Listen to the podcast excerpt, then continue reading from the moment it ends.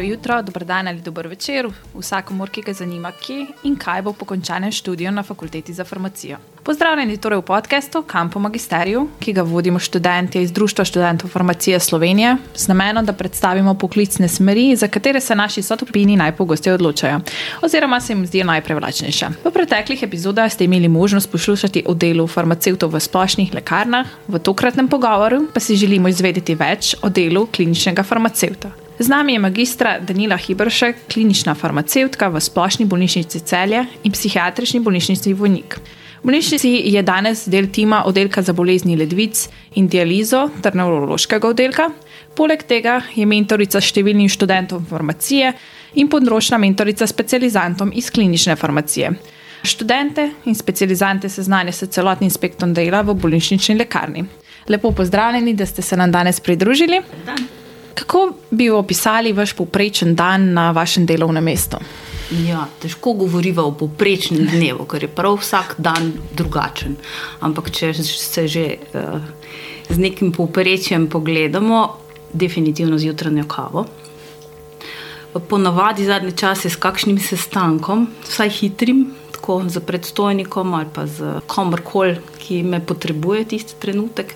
Potem pa že tečem na oddelek. Na oddelku so raporti, ponovadi poskusim biti prisotna, ne, da zvem čim več o dogajanju, pa nadaljevanje z vizitami, spet s pregledom terapije. Vedno je kakšen študent, ki je blizu, ne, se je treba še njemu posvetiti, tako da kar, kar pestro. No, kar pestro. Ste mogoče preden ste se zaposlili uh, v bolnišnici, imeli tako mnenje, oziroma ste imeli kakšne stereotipe o tem delu? Mogoče? A veste, da jaz sem z lekarno pravzaprav rasla gor. Moja mama je bila farmacevtka v celskih lekarnah, eh, tako taka prava, z dušo in srcem pri svojem delu. Skrbela za vse svoje pacijente, svetovala, imela je tisti kotiček za svetovanje v lekarni že vsa leta. Tako da sem jo opazovala v njenem delu in kaj ste vem, no, nekako mi je to priraslo, ne? ampak me je pa vleklo. Uh, mislim, lekarno imam rada, še vedno imam rada, še vedno mi ni problem delati v lekarni, tudi uh, javni lekarni ne, ne, mogoče še so ljudje še malo bolj blizu kot v bolnišnični lekarni. Me pa vlekla klinika, se pravi, kaj se pravzaprav dogaja z zdravljenjem, kaj, kako uporabljati zdravila, kako uh, spremljati izide zdravljenja. Recimo. Tako da me je nekako potegnila nota ali klinična farmacija enega lepega dne. Začela sem v zunanji lekarni. Pol sem pa prevzela eno mečkeno lekarno v psihiatrični bolnici v Vojniku, tisti je bilo kar stresno, ker prej lekarne še ni bilo. Ni bilo treba čist od začetka postaviti, kar je pravzaprav velik plus. Ne? Jaz sem en tak samorastnik, morala sem se naučiti vsega, od vodenja lekarne pa do potem prevzema um, dela na oddelkih. No? Kar pa na nek način sem imela srečo, da so me zdravniki vzeli za svoje že od vsega začetka. Tako da to, tako samo rastnik sem no, v klinični farmaciji. Ja. No, glede na to, da ste v bistvu rasli gor za klarno, potem ste verjetno tudi um, v bistvu te istočnice za delo so bile zelo dobre že od mame, verjetno. Kakšne se vam pa zdi, kako vas je fakulteta pripravila na to delo? Vam je kaj manjkalo, ste čutili pomankljivosti mogoče na katerem področju znanja?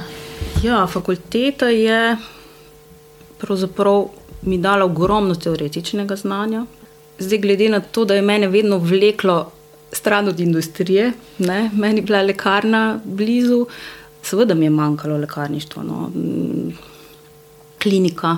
Ne. Jaz bi na tak način speljala študije. Jaz bi bila zelo vesela, ne, če bi se malo več povezovalo um, že med študijem, z, mogoče kar z medicinsko fakulteto, z zdravniki, da bi delali z roko v roki že ne, tekom študija. Je pa res to težko speljati. Ne. Industrija lepo bere velik del naših študentov. Tako, ja, to sem pogrešala, no moram priznati. Tekom študija. Potem predlagate, da bi bilo mogoče več kakšnih takih predmetov, da, v bistvu, da bi se naučili komunikacije in takih zadev, mogoče tega nimamo toliko v samem kurikulumu. No? Absolutno, tega nimamo nič. Ne. Mogoče da bi se ločilo, ne, tisti, ki so dejansko že odločeni, da grejo v industrijo, imajo malo več tega, vsaj v zadnjih letih, pa dali priložnost tudi mogoče malo bolj humanizmu, ne, pa temu razgledanosti v smislu ja, komunikacije, dobre komunikacije, ne, ker to nam manjka. Socializacija, komunikacija. Definitivno. To jaz vidim pri svojih kolegih. Naprimer, no, mogoče, da se zdaj malo bolj osredotočimo na to vaše delo v bolnišnici.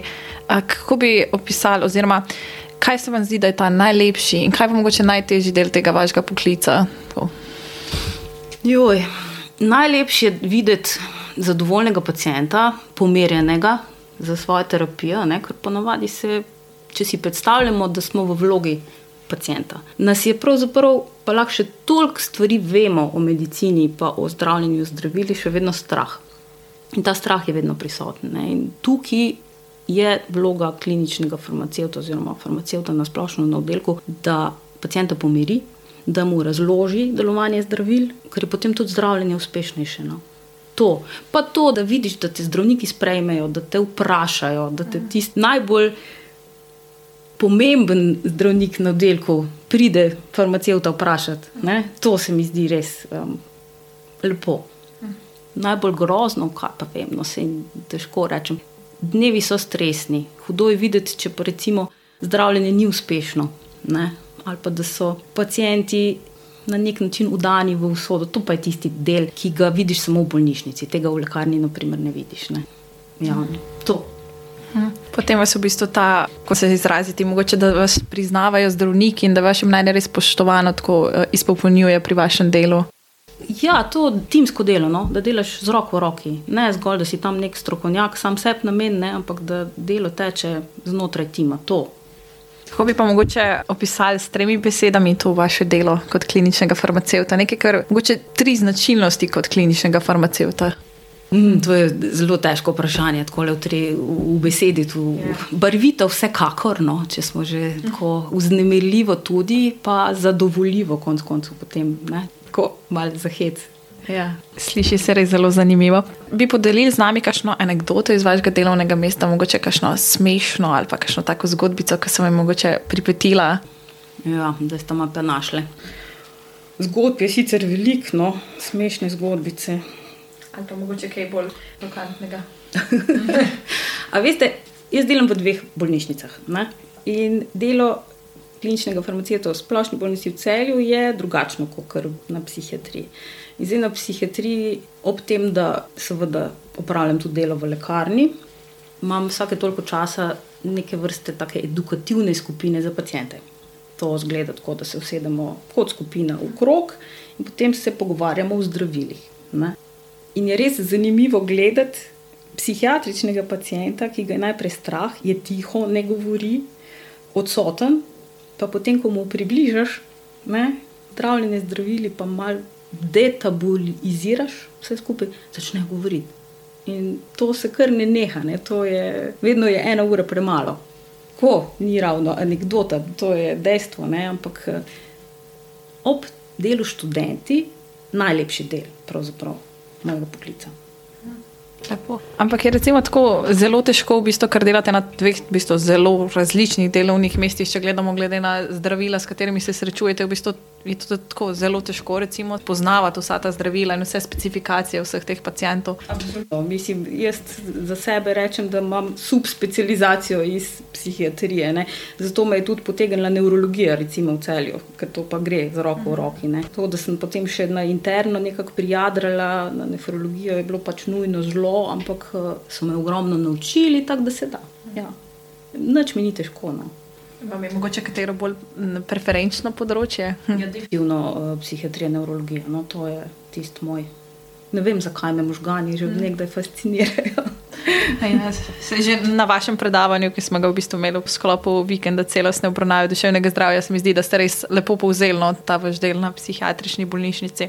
No, mogoče, če se osredotočimo še malo na fakulteto, vaša študijska leta. Če bi se recimo srečali takrat, ko ste začenjali študij farmacije, kaj bi si recimo rekli, kakšen nasvet, ki zdaj pogledate, mogoče nazaj?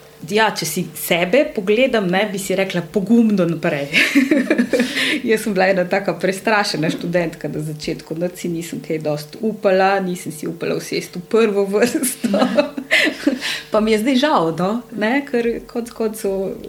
Ja, sem pa, ne vem, imela rada študij. No? Na začetku, prvo leto je bilo kar naporno, vmes mi je tudi enkrat sfalilo, takrat sem mislila, da bom kar obupala, pa nisem, pa, pa je kar šlo, no, tako le naprej. Tako da mogoče, če bi še enkrat bi rekla, pet, ne, ne obupaj, pojdi s srcem. Kaj pa mogoče za naše trenutne študente, bodoče magistre, mogoče bodoče klinične farmaceute, kak na svet? Študij je zanimiv, poklic pa še toliko bolj. Ne?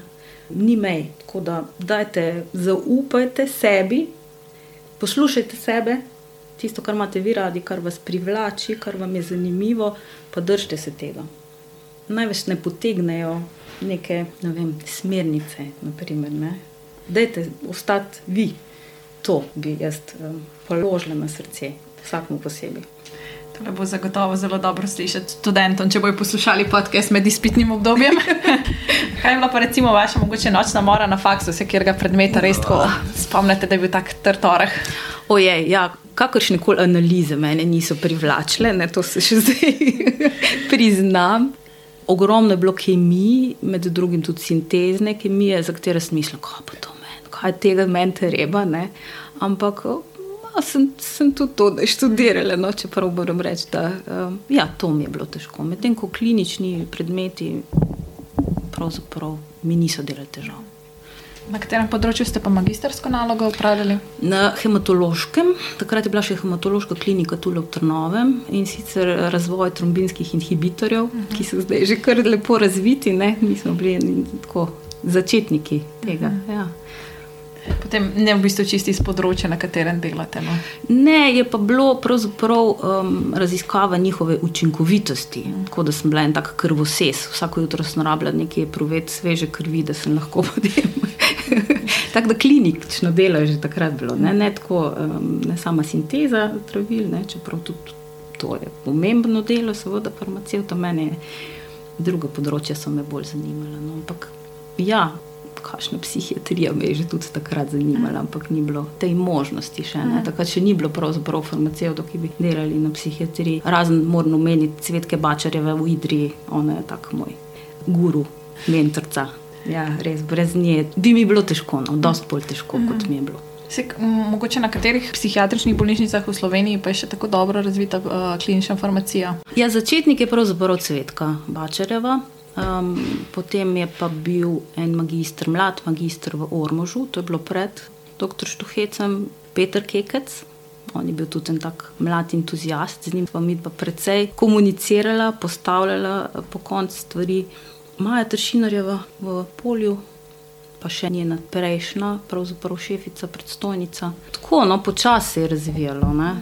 Ja, tako kot sem rekla, ne? začeli smo čist na začetku. Se vam zdi, da bojo mogli v bodoči magistri še veliko narediti, da bo to na takem nivoju, ki je mogoče že kje v tujini? A veste, kako je? Pri nas vedno zmanjka denar. Ne, to je problem. Zdaj, entuzijasti smo, upamo si stopiti ven iz tega mehurčka bolnišnične lekarne. Ne. Tako da, ja, jaz mislim, da imamo še veliko dela. No. Veliko dela, predvsem pa potrebujemo mlade kadre, da bodo delali z nami. No. To pa zagotovo bomo navdušili kakšnega bodočega magistra. No, zdaj pa če še mogoče kakšno zaključno misel za naše študente, kaj spodbudnega. Ne obupajte, ne? tudi če se vam pojavi na poti v življenju kakšna težava. Stopite čez, mislite dobro, lep poklic vas čaka. Najlepša hvala, da ste se nam danes pridružili in uh, upamo, da boste navdušili čim več bodočih magistrov, da se bodo spustili v klinične vode. No. Hvala za povabilo. Prosim.